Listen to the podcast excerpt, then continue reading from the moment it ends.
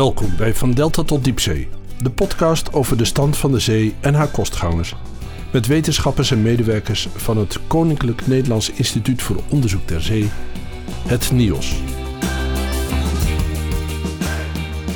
Tien jaar lang was de geoloog professor Henk Brinkhuis directeur van het NIOS. En in die periode waren twee van zijn grootste zorgen hoe het instituut met krappe middelen te laten overleven en hoe een vloot van drie onderzoeksschepen in de vaart te houden. En nu, tien jaar later, bestaat het NIOS nog en de vervanging van de vloot is in volle gang.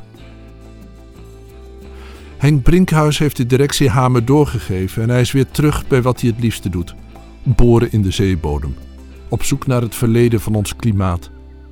Als we elkaar spreken is hij net terug van een expeditie naar de noordelijke Atlantische Oceaan, waar hij geboord heeft naar de aardlagen die 56 miljoen jaar geleden zijn neergelegd. De aarde was een broeikas toen, met palmen op de polen en concentraties broeikasgassen die die van de huidige tijd nog verre overschrijden. Als ik hem vraag vanuit het torentje van het NIOS met de blik van een geoloog naar de zee te kijken en wat hij dan ziet, blijkt dat hij de kijk van de directeur nog niet heeft afgelegd. Ik kan losgaan? Of? Ja, je kan losgaan, ja. Ja, kijk, als ik naar zee sta, dan is dat toch een soort... eh, ja, hoe noem je dat? Een professionele verdraaiing of van waar andere mensen allemaal romantische beelden zien, zie ik alleen maar warzone. Oh? Wat je ziet is, eh, terwijl wij hier vredig uitkijken over die horizon en de golfjes leuk zien, maar als je hierop zou inzoomen, dan zie je dat zelfs nu, als het wat kouder is, is het één grote slagpartij eh, van allemaal beestjes die elkaar opeten. Survival of the fittest. Eigenlijk. Absolutely survival of the fittest. En dat is een, een thema wat natuurlijk ook in mijn, zeg maar, hè, wat ook een van de motoren is achter mijn eh, geologische interesse. Ja. Hè, van de, de evolutie van allerlei organismen. En dan speciaal in dit geval van eh, hele kleine marine organismen, de dinoflagellaten. Maar ook het grotere beeld van hoe wij in deze wereld eh, zijn en staan en met elkaar omgaan, is ook dezelfde warzone eh, eten eh, of gegeten worden, basically. Eh, Oh, Oké, dus je ziet het eigenlijk als een, als een, als een metafoor voor het leven in het algemeen. Daar zo. Ja, en het is ook vaak in de zin van je moet wel goed kijken altijd. Want nogmaals, als je zo ziet. Hè, er is een beroemde film van. waar, er komt op de mind, ik ben nogal film georiënteerd. Hè, is het film van David nou, Lynch. Ja.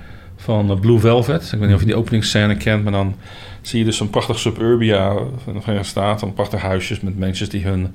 Ze zijn hun gras aan het maaien en eh, dat, dat soort dingen. En die camera die zoomt maar in, die zoomt maar in, die zoomt maar in... totdat hij op een gegeven moment in het gras duikt. En daar zie je die mieren elkaar aan stukken re- rijten.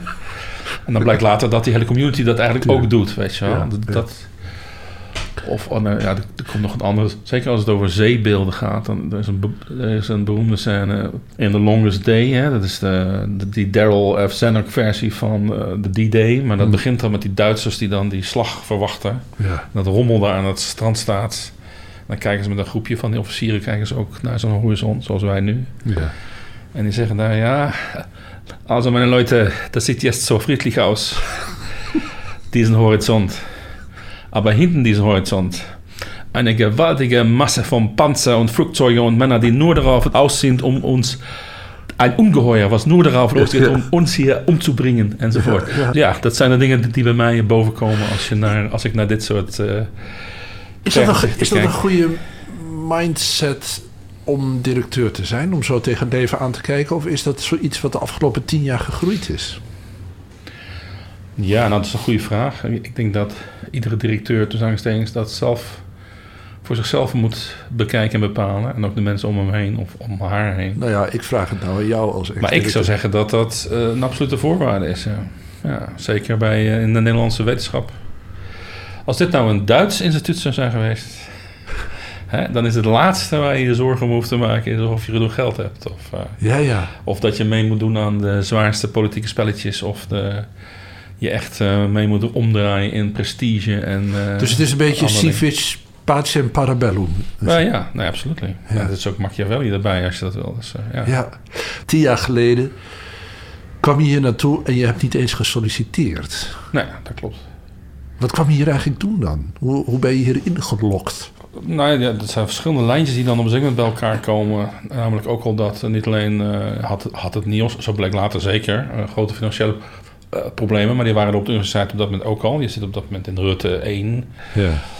En hè, voor Wilders die was al bezig om uh, NWO op te doeken bijvoorbeeld. Op dat moment echt, een boel zonder dollar. Dus geld was uh, in de wetenschap uh, gewoon heel erg zeldzaam. Dat was ook al op de universiteit zo. Dus nou was, er waren mensen binnen mijn groep en, en in mijn groep die waren zo succesvol. Jouw groep is in Utrecht? Maar, mijn groep in Utrecht, de Universiteit Utrecht. Op dat moment nog in de, wat dan heette de beta-faculteit. Onder biologie. Biologie had toen op dat moment een soort van Gallisch dorpje wat uh, gevuld was met geologen die dan in het biologengeweld zich uh, staande houden. Maar ja, alles om ons heen werd neergemaaid. En, en, wij mochten dan blijven omdat we gewoon succesvol waren. En ook, uh, je bent succesvol heet in Nederland dat je geld binnenhaalt. Grote beurzen binnenhaalt. Ja. Wat was jouw functie daar? Ik was daar, ja, als je eenmaal professor bent, dan heb je dan een groep hè, met mensen, ja. promovendi en, en postdocs. En die, dat is dan een, een groep. Oh ja. Die vakgroep die heette op dat moment nog uh, paleobotanie en, en palynologie. Omdat kwam omdat zeg maar, die oude planten en algen, die ook eigenlijk verantwoordelijk zijn voor alle olie en gas op de wereld. Hè, dat is allemaal omgevallen bomen, zeg maar. maar de natuur die je bestudeerde was al zo oud dat het van leven over was gegaan in steen. Vandaar dat je geoloog ja, geeft. Ja, de chemie die is die erbij hoorde. En weet je wel, dus de omzettingen van planten naar ja. uiteindelijk gas en olie en ja. steenkool en noem het maar op. Maar ze eigenlijk heel ruimhartig van de biologen dat ze dat het Nee, absoluut niet. Die waren zelfs al... Hadden ze het geld niet zo afgeknepen, dan had het een hele, hè, zou het een ook voortgaande succesvolle business zijn geweest. Maar ja, het geld was gewoon uh, toch heel schaars. Dus, maar jij, jij gaf natuurlijk leiding aan een, aan een groep die in staat was om zich staande te houden in een tijd van uh, krimpende middelen. Ja, uh, ja. vooral omdat ik uh, heel gelukkig was met het aantrekken van, van echt buitengewoon slimme mensen. Dus mensen als Appie Sluis en Peter Bijl en anderen die daar nu ook de scepter zwaaien over, zo in Utrecht. Daar mag ik nu bij komen zitten. Oké. Okay. Ja, maar die waren gewoon zo succesvol uh, met z'n allen, waren we dat. Ook omdat we op, de goede, op, de, op dat moment de actuele goede thematiek zaten. Als de koolstofcyclus begon toen net, hè, dat begon ja. de opwarming van de aarde enzovoort. Toen bleek ook dat er, hè, je kan die opwarming op twee lijnen kan je die gaan onderzoeken als het ware. Namelijk uh, je huidige klimaatmodellen op te schroeven naar hoog CO2. En daarna kijken, dat zijn al die modellen die dan voorspellen hoe warm het wordt wanneer. Ja. Of je gaat dus naar het verleden, waar dat al van nature een paar keer is gebeurd. Ja. En kijk daar naar dat systeem, hoe dat is gegaan. En, ja. en, en, dan, zeker als je niet te ver weg is in de geologische tijd, zoals 50 miljoen jaar is, dan dit valt niks. Dan is die wereld nog heel erg zoals die nu is. Ja, die, alle continenten liggen nog op de plekken waar ze nu ook liggen en zo. Dus dat is heel goed vergelijkbaar. Vandaar dat we daar heel veel energie in stopten. En dat was precies op dat moment dat we daar ook hele grote fondsen voor konden aanboren, internationaal. Dus uh, hier op Texel hadden ze van je gehoord? Of er waren hier mensen die jou kenden en die zeiden... nou, die, die Brinkhuis die krijgt het in... Uh, die krijgt het. Laten we hem eens uitnodigen. Ja, het zou zomaar kunnen dat het zo is gegaan. Dat was ik niet bij, maar het was wel zo dat de, de Utrechtse aardwetenschap had al jarenlang een enorm goede band met Niels. En dan kwam... Ja, het was, uh, dat is een beetje natuurlijk uh, twee handen op één buik. Dezelfde type mensen die dezelfde type machinerieën gebruiken en dezelfde basis onderzoeksvragen hebben. Ja. En ook de rol van het NIOS op dat moment ook al om, om de Nederlandse wetenschap in zijn algemene tijd te ondersteunen. Dus, dus ik kon ook zelf uh, vaak hier gewoon om uh, van apparaat gebruik te maken of uh, te overleggen of er was weer een congres. Oh of, juist, dus, dus het was eigenlijk voor jou geen, niet echt iets bijzonders om hier te komen. Maar ja, naar een eiland nou, komen en hier zo'n club te, uit de modder trekken. Nee, maar dan ga je met elkaar praten. Ja, maar dat uit de modder trekken, dat wist ik dus niet op dat moment. Nee, maar dat wisten zij wel, die jou uitnodigden. Nou, er is een hoop fout gegaan, maar de bestuur wist dat op dat moment in Time Space, uh, wist dat niet. Dus wat voor lijken lagen er in de kast toen je kwam? Wetenschappers hebben vaak geen benul van financiën, maar dat had ik, deze had het dan toevallig net wel. En ik bekijk dus ook de accountantstukken. Dat zijn dus echt uh, formele, goedgekeurde, geregistreerde accountantverslagen van NIOS. Ja. De korte versie is dat ik heb al die accountantsrapporten heb, heb ik echt goed bekeken. En ik zeg dus bij dat je kan mij een hoop dingen uh, voorleggen waar ik echt niks van weet. Maar van financiën cijfers is niet zo moeilijk. Dat tel je bij elkaar op, dus aftrekken en zo. En dat ziet er gewoon goed uit. Alright? Dus die hebben geld over zelfs, inderdaad. Ja. Dus ik ga dat doen. Dat Laten we zeggen, het duurt ongeveer negen maanden voordat je er dan achter komt dat uh, de tent is volledig failliet. Niet alleen uh, op papier, maar ook gewoon factual, omdat er geen, bank meer, geen geld meer op de bank staat. Dan kan je een keuze maken tussen een hackersluiter ja. of iemand die de doorstart maakt. That's heb, right. Heb je ooit overwogen om te zeggen van... nou jongens, eh, laten we er maar mee ophouden? Nee, natuurlijk niet, want je, je zit dan, dan net vers. En je wil door. Hè? Dus ook, eh, bovendien heb ik wat achtergelaten, wat ik ook niet zomaar 1, 2, 3 terug kan. Dus, eh, Ja. Maar het is wel zo dat ik naar Den Haag ga op dat moment en zegt eh, dat NWO en dit instituut ook inderdaad eh, echt op dat moment, en dat is ook waar, excellente wetenschappen produceren. Het zou toch gek zijn als Nederland geen oceanografisch instituut heeft? Je moet een minimum hebben van 50 wetenschappers. Gewoon 50 permanente wetenschappers, verdeeld over dus. Want het is een enorm multidisciplinair gebied. Je hebt dus de fysici, de chemici, de macrobiologen, de microbiologen, de, de ecologen, de paleontologen, de geologen, noem het maar op. Ja. Dat korps heb je nodig, dan kwaliteit. Om anders dan, ja, dan was je dus een grap.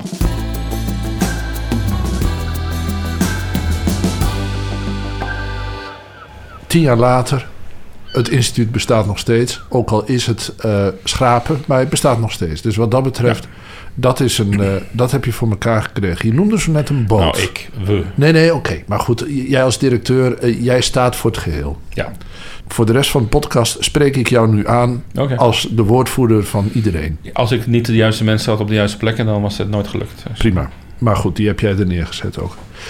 Je noemde de boot. Dat is, laten we zeggen, de tweede poot van waar je mee bezig bent geweest. Want toen je hier kwam, had je de Navicula, de Pelagia en, De sterren. en de Stern. En die zijn er natuurlijk nog steeds. Alleen binnenkort vaart het nieuwe flottille binnen. Wanneer Dat is de bedoeling. We hebben dus de toestemming uiteindelijk gekregen en de fondsen bij elkaar geschraapt om met de kleinste te beginnen. Dus de ster wordt vervangen door de Adriaan Koenen, die is al bijna klaar. Ah.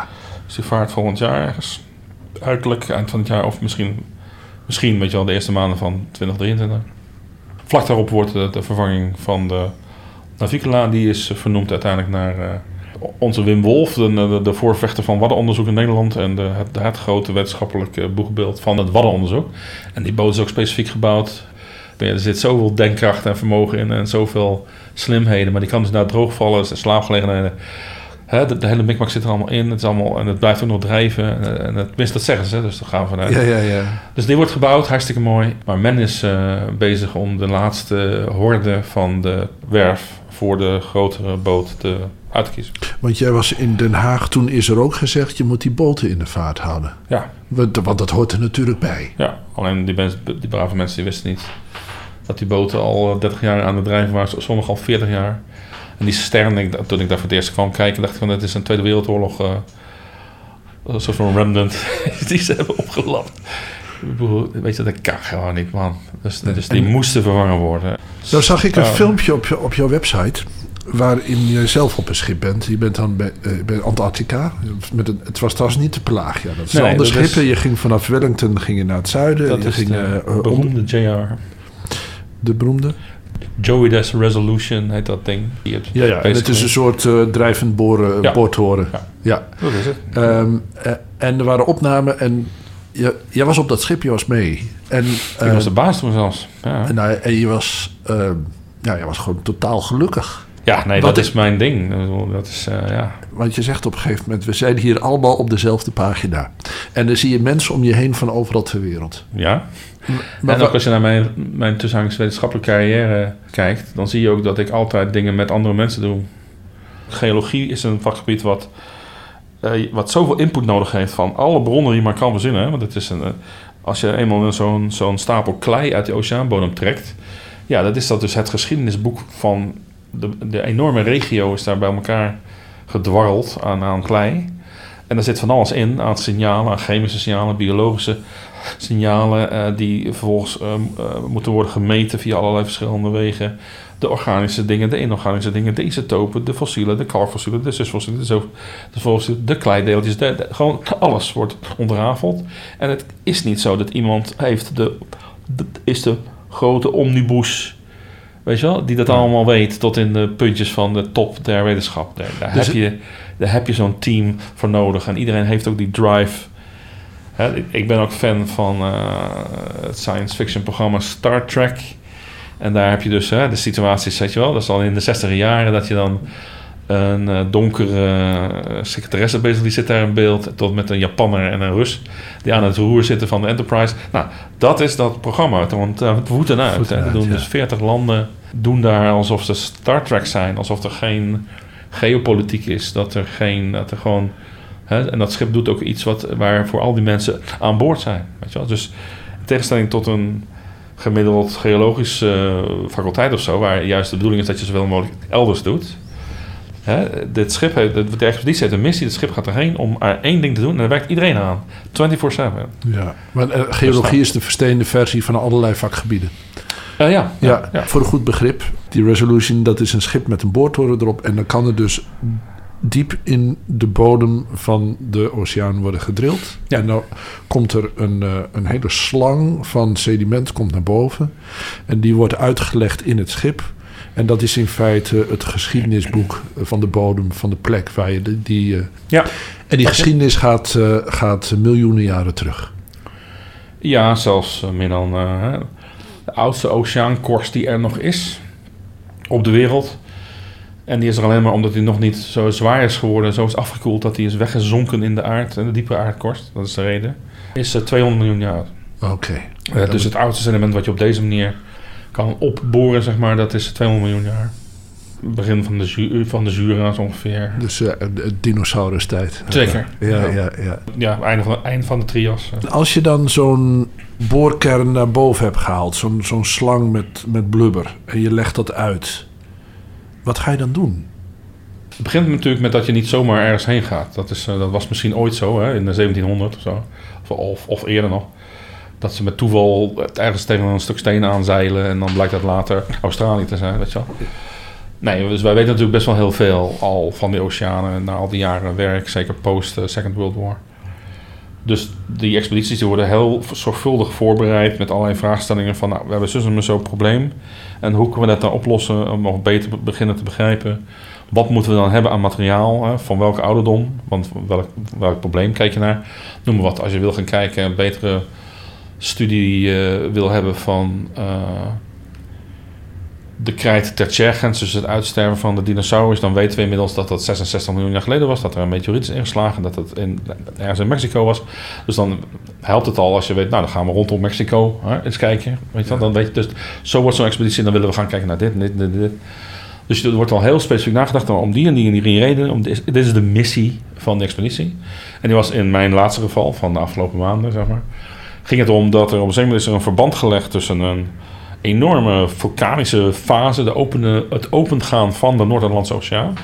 Wat met zoveel, uh, vooral explosief vulkanisme, hè, dat is in wezen dat je dus twee aardkorstdelen hebt en die, die gaan, worden met geweld uit elkaar gedrukt. Basically. Het werd uh, Europa en, en Noord-Amerika werden uit elkaar In dit geval wat wij nu dan Noord-Amerika en ook dus Noord-Europa noemen. Hè. En deze missie was uh, dat er een, een, verband werd gelegd tussen het opengaan explosief van dat vulkanisme. Ja. Wat zoveel koolstof, wat daar aan het borrelen was, methaan en alles wat daar jarenlang met geweld onder, onder de grond werd gehouden. Dat het vulkanisme, dus het breken eigenlijk van die aardkorst, dat het ruimte had gegeven aan het, dat de aarde in wezen een enorme scheet liet. Van ja. een enorme methaan uh, scheet. En was er een explosief vulkanisme verantwoordelijk voor dat het op dat moment al warmere klimaat nog veel warmer werd, heel snel, doordat er iemand enorm veel CO2, ofwel CH4, want dat is dan, als je methaan produceert, dan duurt het ongeveer 20 jaar en dan is die weggeoxideerd ja, naar wordt het CO2. CO2. Dus ja. wij rekenen allemaal alles in CO2. Wat was de missie om naar die Noord-Atlantic te gaan? Met dat schip stalen buizen naar beneden. En in die buizen gaat het verkeer naar de bodem. Hè, dan wordt, daar gaat een soort lift op en neer, op en neer kernen halen, dus die kleibakken halen. Ja. Maar op kom je op dat vulkanisme. Dan kom je dus op die harde basalten, die toen zijn uitgevloeid, net zoals nu dus Las Palmas uh, aan de gang is. Gewoon dus lava. In, in, in, die slang krijg je, krijg wordt het gewoon hard plaats van klei. Wordt het gewoon net of je hier door de straat boort, zeg maar. Uh, hard, ding, ding. Dan heb je andere boren nodig. 56 miljoen jaar geleden, een gewelddadige tijd. Veel vulkanisme, veel methaan dat CO2 werd in de atmosfeer. Het werd hartstikke warm. Er was geen ijs meer te vinden op aarde. Dus heel veel zee dus. Waar kijk je dan naar? Dus, uh, wij willen begrijpen, gewoon ook puur al uh, vanuit puur fundamentele wetenschappelijk interesse van uh, van een wereld die op dat moment dus al vol in de planten en beesten zit. Wat gebeurt daar dan als je het klimaat wat al warm is. Dat is een beetje raar, maar dat is totaal anders dan nu. Maar het is al warm en het wordt ineens nog een keer 6 graden warmer. 56 miljoen jaar geleden staan we samen in, uh, ergens in Noord-Europa. We kijken om ons heen. Wat zien we dan voor wereld? Nou ja, als je dan eens op de breedtegraad kijkt waar wij nu als Nederland op staan, dan kijk je naar uh, gewoon tropische, tropische moerassengebieden. Uh, met uh, alles wat je ook vandaag de dag, de type planten die bij zo'n moerasgebied horen. Dus van rietkraag tot mangrovenbomen die daar staan. En die, die bomen die produceren pollen bijvoorbeeld. Die pollen zijn heel goed preserveerbaar, dus die vind je in die klei. Dus we kunnen gewoon aan die klei zien Terwijl het dus een marine delta is. Maar je vindt 99% is terrestrisch organisch materiaal wat van die type mangroves afkomt. En die zijn zelfs nog bijna dezelfde soort zelfs als uh, vandaag de dag. Ja. En dan kan je ook dus helemaal reconstrueren dat daarna die mangroven komen. Dit soort, dit soort planten voor, dit soort planten als je steeds hoger wordt. Dan krijg je de palmen, en dan krijg je dit, en dan krijg je dat, en dan krijg je zus. He, dat, net zoals je nu gewoon... Uh, He, neem Florida. Daar lijkt Nederland dan uh, op dat net Florida van nu lijkt um, inclusief de Okefenokee swamp met de krokodillen erbij. Dat is uh, dat men, hoe Nederland eruit Juist, subtropisch tot tropisch. En dan blijkt dat als je die stap nog een keer ver, vergroot, hè, dus die warmte nog een keer, hup, nou dan ziet Spitsbergen er ook zo uit. En vandaar ook dat als mensen zich afvragen van wat doen die kolenmijnen op Spitsbergen? Ja. Nou, dat is van die, die tijd. tijd. Het is heel lang heel warm gebleven, geloof ik, hè? Ja, en zelfs nog warmer. Ja. Dus, uh, en dat komt aan het eind, hè, dus de periode van uh, roughly uh, 54. Nou, het was wel warm. Dus zeg even gewoon voor het gemak van 60 eh, tot, uh, eh, 60 tot 50 miljoen jaar. We even simpel houden. Dat is echt de, de, de, super, de laatste fase van de aarde. Waarin het echt wat we dan noemen een superbroeikas aarde was. Met een CO2 die ongeveer nou, vier keer zoveel uh, CO2 in de atmosfeer had als nu, tot als niet vijf keer of zes keer. Zou jij het daar een beetje uithouden in die nee, wereld? ik ben echt iemand... Nee, nee. nee maar ik ben echt iemand die, als, als, ik, als ik vrij ben, dan ga ik liefst naar plekken als IJsland en Groenland. En, ik ben, uh,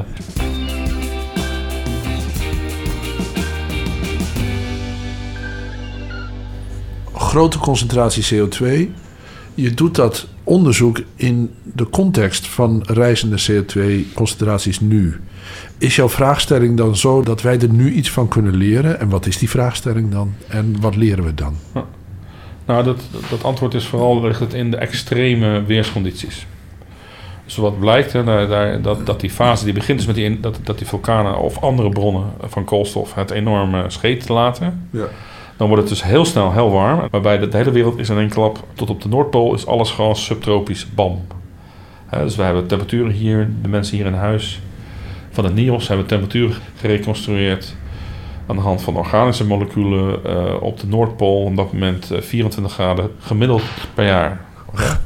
En nog, en nog steeds ging toen de tijd, zes maanden per jaar ging het licht uit. Dus je moet, de wereld is dus in één klap totaal tropisch, basically. Eigenlijk. Ja, ja. Oké. Dat, en dat, daar gebeuren eerst dus dingen.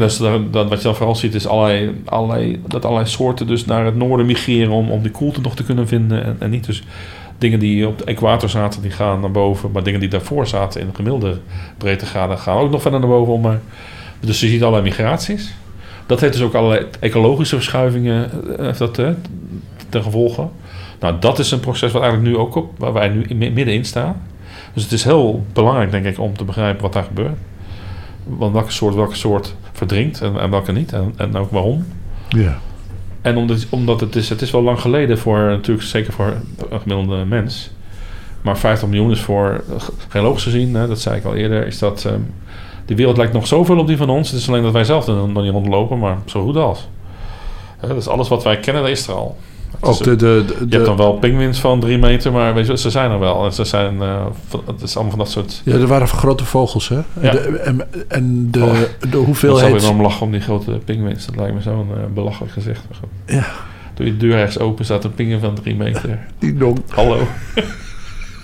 maar goed. Dit is alles wat wij nu beginnen te zien. Dus de, de opwarming, de zeespiegelstijging, de oceaanverzuring, de zuurstofloosheid van de watermassa. Alles is nu aan het beginnen. Dat is op dat moment al vol, een full-blown gaande. En dan kijk je dus naar, oké, hoe... Want de, de, de wereldecosystemen die zijn alleen maar voortdurend op zoek naar een balans. Naar een bepaalde van, oké, eh, het is puur van... Als, je, als jij niks verandert, dan, nou, dan blijft zij ook hetzelfde, gemiddeld. Maar als jij dus aan de knoppen zit... Dus je gooit de temperatuur omhoog, of je gooit dit omhoog, of je gooit dat omhoog, of je gooit de zonneinstraling omhoog, of dit. Als je het varieert, ja, dan begint, dan begint de natuur daarop te reageren. Ja, en als je dat sneller doet, dan reageert dus de natuur heel snel, totdat, ja. totdat de natuur niet meer bij kan houden. Oké, dan gaan ze dood. En ik neem aan dat op den duur de oceaan denkt, uh, ik wil dat, ik ga die CO2 weer opnemen. En er, is, er is natuurlijk veel vulkanisme en daarmee erosie. En dat komt in de. Uh, en dat ja, geërodeerde. Precies, uh, dat is zelfs de theorie dat die assen die, die vulkanen produceren. is weer een remmer op de CO2. Op den duur. Want die, precies, maar dat duurt even. En dat duurt lang doorgaans in de geologie. Het is een abnormale situatie waarbij dan het systeem in de, in de miljoenen jaren die daarop volgen proberen, en vooral de oceaan, dat die CO2 weer op te nemen en op te slaan de oceanen proberen niet. Dat gebeurt gewoon. En dat gebeurt nu ook. Dus ook de... Ja, het is geen mensen. Het is, nee, het geen Niet dat de oceaan denkt van... Oh, laat ik dit gaan oplossen. Het is wel dat wij denken als mensen van... Goh, hoe kunnen we de oceaan gebruiken om dit op te lossen? Dat is zeker aan de hand. Zeker, oké. Maar het gaat om... Uh, dit, vooral dat... Uh, ja, dat CO2, als het oplost in water, krijg je HCO3 min. Dat is een zwak zuur en dat is dus deels die verzuring. En wat die oceaan doet, dat is met al de kalk die er met name op de bodem ligt, begint hij dat te bufferen. Dus die, die kalk die buffert die verzuring bezig. Maar dan moet wel eerst naar de bodem toe. Dus wat wij nu zien, dat de uitstoot van de mens, die is al halverwege, die zit al op 1500 meter, zeg maar de zeebodems van nu, waar, waar nu nog kalk ligt, uh, die beginnen op, op te lossen. Gewoon puur om te bufferen. Die bufferen inderdaad de grootste hoeveelheid CO2. Ook vandaag de dag. Maar het gaat ons vooral ook om wat gebeurt er dan vervolgens. Namelijk hoe krijg je het naar beneden. Maar ook wat voor wat we zien aan, aan geologische bewijsvoering, is werkelijk de meest onvoorstelbare massive regen, wind, uh, tornado's, narigheid uh, die je maar kan verzinnen als, als mensheid. Dus de, de hoeveelheid uh, die, die hoe kan je dat simpelst uitleggen? Nou, het is, wij denken bijvoorbeeld dat het is zo warm dat water is ook een eh, water, waterdamp is ook een, eh, ook, ook een broeikasgas, by the way. Hè, maar het verdampt en het, en het, omdat het warm is, verdampt het en dan vervolgens slaat het weer neer uh, in de vorm van, van regen, sneeuw enzovoort. En dat is een hele snelle cyclus, hè, tegenstelling tot de koolstofcyclus zelf, die duurt forever. Maar die watercyclus is van ik verdamp het nu en het is over drie uur komt het alweer naar beneden. Maar als je dat dus als, als de atmosfeer meer warmte kan vasthouden en meer vocht kan vasthouden, dan zijn dus ook, dat zie je dus nu ook al, de hoeveelheden die dan naar beneden komen, plus het gebrek aan beweging in de atmosfeer. dat die regenbuien die blijven hangen, die doet het allemaal in Zuid-Limburg bijvoorbeeld. Nou ja, dan... Het was niet alleen een gewelddadige tijd als het ging om vulkanisme. Het was ook een gewelddadige tijd uh, als het ging om neerslag en klimatologische omstandigheden. En, en uh, weersomstandigheden bedoel ik.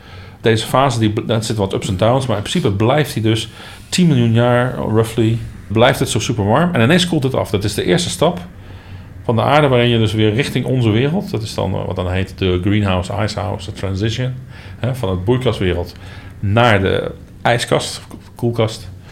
Die eerste stap, laat die nou precies samenvallen met die in, dan in het Noord-Atlantische gebied, die extreme uh, explosie van een zoetwatervaren. Die heet Azolla, dat is de snelst groeiende plant van de wereld. Hele bijzonder plantje, heel klein plantje, maar heel bijzonder. En die, uh, dat het zo hard regent, dat alle zeeën krijgen gewoon een zoetwaterbubbel op de zee drijvend, als het ware. Zoetwater op zoutwater zo stabiel dat het dus niet een, een filmpje is of zo, wat er even is na een zware regenbui. Nee, echt 10 meter dik of zo. Zodanig dat het stabiel genoeg is om daar om de zee een zoetwatervijver oppervlak te laten geven. Die Azolla die komt voor op vandaag de dag in sloten en in vijvers van stilstaand water. Stilstaand zoetwater. En wat blijkt dan? Dat als je dus iedere, iedere ook nu weer op de expeditie, ieder boorgat wat vertrekken over dat enorme gebied, dus 30 miljoen vierkante kilometer water, wat de zee was, is. Er zit gewoon zoutwater, ligt daaronder. Ja. Hij krijgt een zoetwaterbubbel waar die zoetwatervarer in gaat groeien. Echt dus die, waar? Nou ja, zodanig. Ik weet ook niet precies hoe diep die was, maar die was dus diep genoeg om niet door simpele golfwerking al snel weggemixt te worden, dat het toch zout is. Die plant kan niet tegen zout. Nee. Oké, terwijl die wel op de zee groeit. Ja. Dus er moet, de zoetwater moet zo stabiel zijn geweest. Dus het, het heeft zo hard geregend en zo lang dat er, dat er een hele, hele laag stabiele laag zoetwater over de hele oceaan lag. Of in ieder geval op de plek waar je geboord hebt. Ja? eh, dat er een, eh, een plant in kon groeien, eh, een snel groeiende zoetwaterplant die niet tegen zout kan. Precies. Of Ja. een heel klein beetje tegen zaten. En wat kan je er nou eigenlijk uit afleiden dan? Nou, wat wij, er, wij men daarvan afleiden is dat het dus 10 miljoen jaar lang iedere dag bijna 100% aan het regenen is. Vanwege de hydrologische zaken, omdat het zo warm is. Als het water verdampt, dan komt weer. En, en dat gaat maar door. Gewoon een, een compleet, hè, een soort van monsoon. Anywhere you go. Ik stel mij voor, maar dan ben ik echt aan het fantaseren. Je hebt een configuratie nodig zoals die toen was. Zoals nu de Zwarte Zee is. Dus zo'n bak, zo echt, een, echt een badkuip. En, en die is daar. Die heeft eigenlijk geen connecties met links of rechts. Maar daar is het zo gewoon dat er een, ook een semi-stabiele brakwater tot zoetwaterlaag Ja. ligt daar gewoon in, die badkuip. In die Noord-Atlantische Oceaan van toen moet je je voorstellen dat het gewoon Zwarte Zee naar Zwarte Zee naar Zwarte Zee naar Zwarte Zee naar Zwarte Zee. Ja, ja. Want die continenten zijn uit elkaar aan het gaan. Allemaal ingesloten zeeën. Dus het is in die zin onderdeel van toeval. De continenten liggen op een zeker moment op een bepaalde manier, waardoor alleen dan kan er iets plaatsvinden wat zeg maar 10 miljoen jaar eerder of 10 miljoen jaar later niet meer kan gebeuren. Omdat Ja. het gewoon. Dus het heeft 10 miljoen jaar aan één stuk door geregend. De. Noord-Atlantische Oceaan is nog zo ingesloten dat hij het niet wegkrijgt. Ja, precies. Maar aan het eind van die 10 miljoen jaar ben je dus, sta je dus op de drempel van het beginnen van het afkoelen. Ja. En hoe komt dat dan, dat het gaat afkoelen? Nou, dus dat is het spannende van die zoetwaterplant. Ja, mijn theorie daar is dus dat die, die plant, die heeft daar alles mee te maken. Dat die groei. Dat die vormen grote matten. En die matten die vormen zich en die sterven dan af als het weer winter wordt, want er is geen zon meer. En die matten die zinken daar in die Arctische oceanen en noordelijke oceanen naar beneden. Die bakken zijn niet goed geventileerd, zoals het heet. Die worden niet goed gespoeld. En die organisch materiaal, want het is dus gewoon opgeslagen CO2, zinken daar naar beneden. En ik kan hier ter plekke op een achterkant van een bierviltje... Als ik aanneem dat 30 miljoen vierkante kilometer... en ik, eh, nou, ik neem bijvoorbeeld aan dat maar 1 promiel van die matten zou preserveren... als koolstof beneden in de, op de bodem... dan zuig ik de atmosfeer al voor de helft leeg aan, aan het CO2. En het feit dat ze dus op de oceaan drijven en worden opgenomen door de zee, dat maakt dat dat CO2 vast blijft zitten in tegenstelling tot de, naar ik aanneem, enorm wilderige plantengroei op het land. Want dat neemt wel CO2 op, maar dat verdort en dan komt dat... Maar dat, Nee, het lijkt alsof je er maar voor hebt doorgeleerd. Nee, dat is precies eh, zoals je het moet uitdrukken. Dat is, je hebt de zogenaamde... Dat is ook het probleem met CO2. Je hebt de korte koolstofcyclus. Dat is precies wat jij zegt. Dan ontstaat er ergens een boom en die neemt het op. Maar ja, als die boom weer omvalt, dan komt alles weer vrij. Dat kan voor ons mensen nog steeds vrij lang duren. Bomen staan 400 jaar, 500, sommigen nog, nog langer. Maar er komt een moment, dan valt die om. En dan komt al die koolstof gewoon weer vrij. Daarom is het zo actueel. ja. Je moet die boom begraven. En dan wordt die nog afgebroken, dat is weer wat anders. Maar dan wordt er wat minder hard afgebroken. Als ik naar 1 promil ontsnap aan die snelle omzetting... Hè, en ik bewaar dat, echt, die haalt het tot aan de bodem en wordt begraven. Zelfs als je dat doet... Dan, hè, dit is, eh, dit, deze plant, die eh, Azolla-plant... Ik heb het hier ook, als, mensen eh, geïnteresseerd raken... dan Google maar eens op eh, Azolla, A-Z-O-L-L-A... En ook wat we daarmee doen, ook wat er al in India bijvoorbeeld in tropische landen mee wordt gedaan. Dit is, dit is een plant die staat in de Guinness Book of Records als de snelst groeiende plant ter wereld. Die verdubbelt zichzelf in twee dagen. Onder goede condities. Nou, dus ik kan nagaan hoe snel dit ding kan woekeren. Het, is, het wordt ook gezien als een pest. Heeft hij, heeft hij er zijn ook een nodig? heleboel plekken waar je de- deze plant helemaal niet wil hebben. Want ik heb wel eens gezegd, joh, eh, geef mij de marker waar.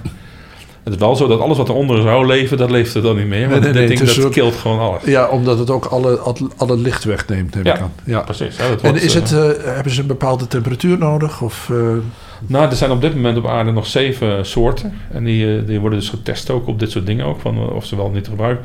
Wij hadden daar samen met Gert-Jan Rijgaard en andere mensen... heb ik daar een programma op gehad... waarbij we drie promovendi dit soort studies lieten doen. Ook, ook in moderne...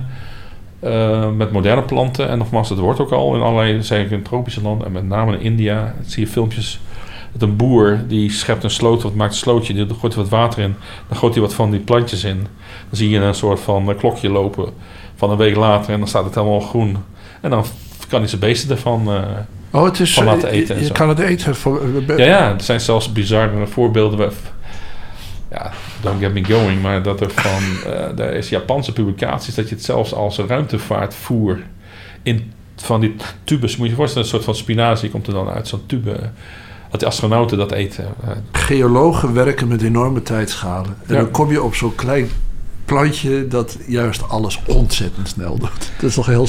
Maar, Dat is een eh, jongensboek. Daarom was het ook zo'n bizar verhaal van die Noordpool waar je dat dan vindt. Hè? Dus je gaat als klein jongetje naar Noordpool. En wat vind je dan? Dan vind je een zoetwaterplant. Ja, dat, dat, is, is dat bizar. is hoe het gegaan is, basically.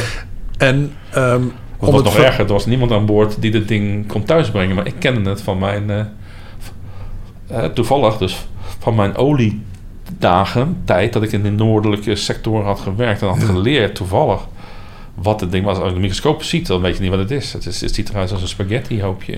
mogen wij de redding van de wereld verwachten van dit plantje? Nou ja, deze plant is niet alleen hier ontzettend goed. Hij trekt ook nog eens een keer, omdat hij zo snel groeit. Stel, jij hebt een vervuild industrieterrein met chemie, met cadmium of zo. Wat we dan doen, is er water erop spuiten en dit plantje erin gooien. Die trekt die cadmium uit de bodem. En je ruimt die plant op als zijnde chemisch afval. Maar we hebben En het nou even over de CO2. En het is klaar. Nee, maar dan zie je dat. Dan zie je weer hoe die expertise bij elkaar moeten komen om Ja. weer een nieuwe impuls te geven. Dat is wat ik hiermee, hiermee wil zeggen. En als je mij vraagt, ja. Als je hier als mensheid. eh, wat je hier, er zijn soorten out there. eh, er is één soort vandaag de dag die op de Nijldelta. Die is dus de meest zout. Zoutminnende zou je kunnen zeggen. Of de zouttolerante eigenlijk Ja. meer. Nou, dus die kan die kan zoutgehaltes aan tot 8 psu. Dat is eh, ja, brak water, maar bijvoorbeeld de hele Baltische Zee De Oostzee, hè? is van is zo. die Ja. en ook de Zwarte Zee. Dus als je te- eh, gebieden kan aanleggen waarbij je dus die plant eh, dit soort ac- activiteiten kan laten doen, waar het ook niet al te schadelijk is voor wat eronder leeft, hè, dan heb je genoeg ruimte in ieder geval. Je moet alleen wel wat, eh, hè, je moet wat geopolitiek voeren om dat mogelijk te maken. Maar ik zou wel eerder geven met een markt en waard. Dan kunnen we dan gaan experimenteren. Ja. Waarom niet?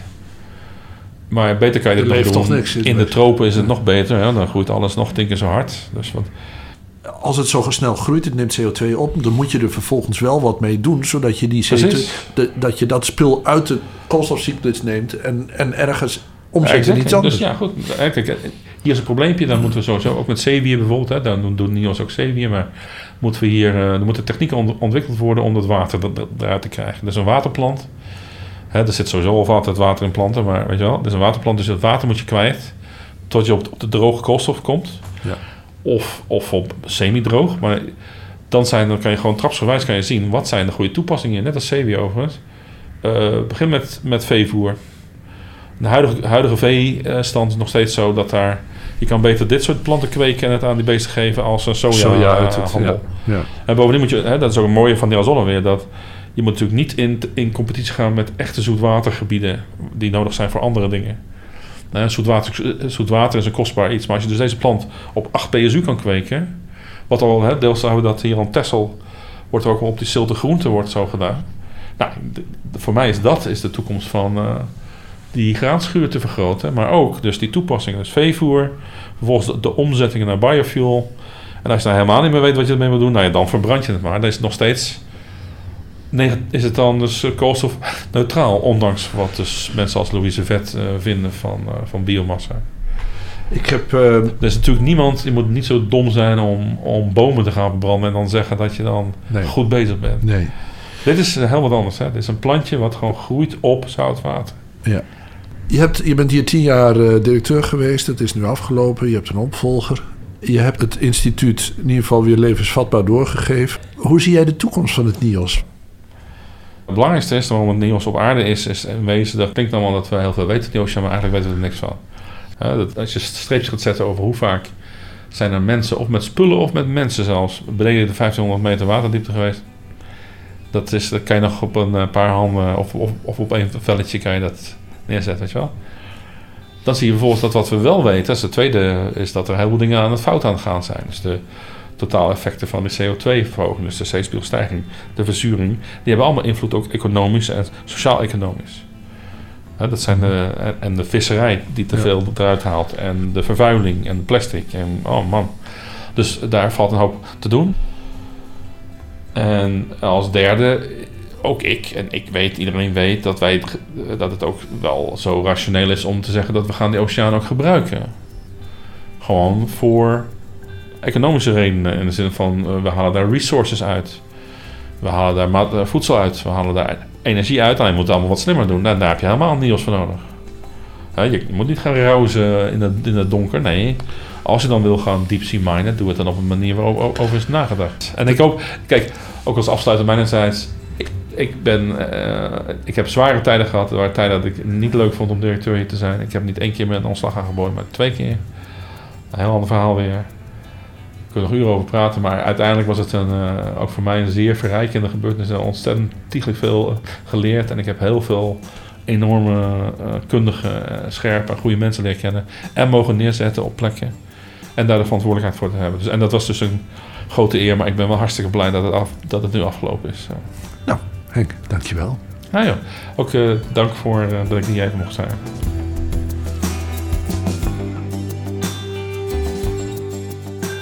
Dit was van Delta tot Diepzee, een podcast over de stand van de zee met onderzoekers en uitvinders van het Koninklijk Nederlands Instituut voor Onderzoek der Zee, het NIOS. Vandaag was dat geoloog en voormalig directeur van het NIOS, professor Henk Brinkhuis. De muziek is gemaakt door Matthijs Duringhof. Als u zich abonneert op Van Delta tot Diepzee, ontvangt u iedere maand een gesprek met een zeeonderzoeker van het NIOS.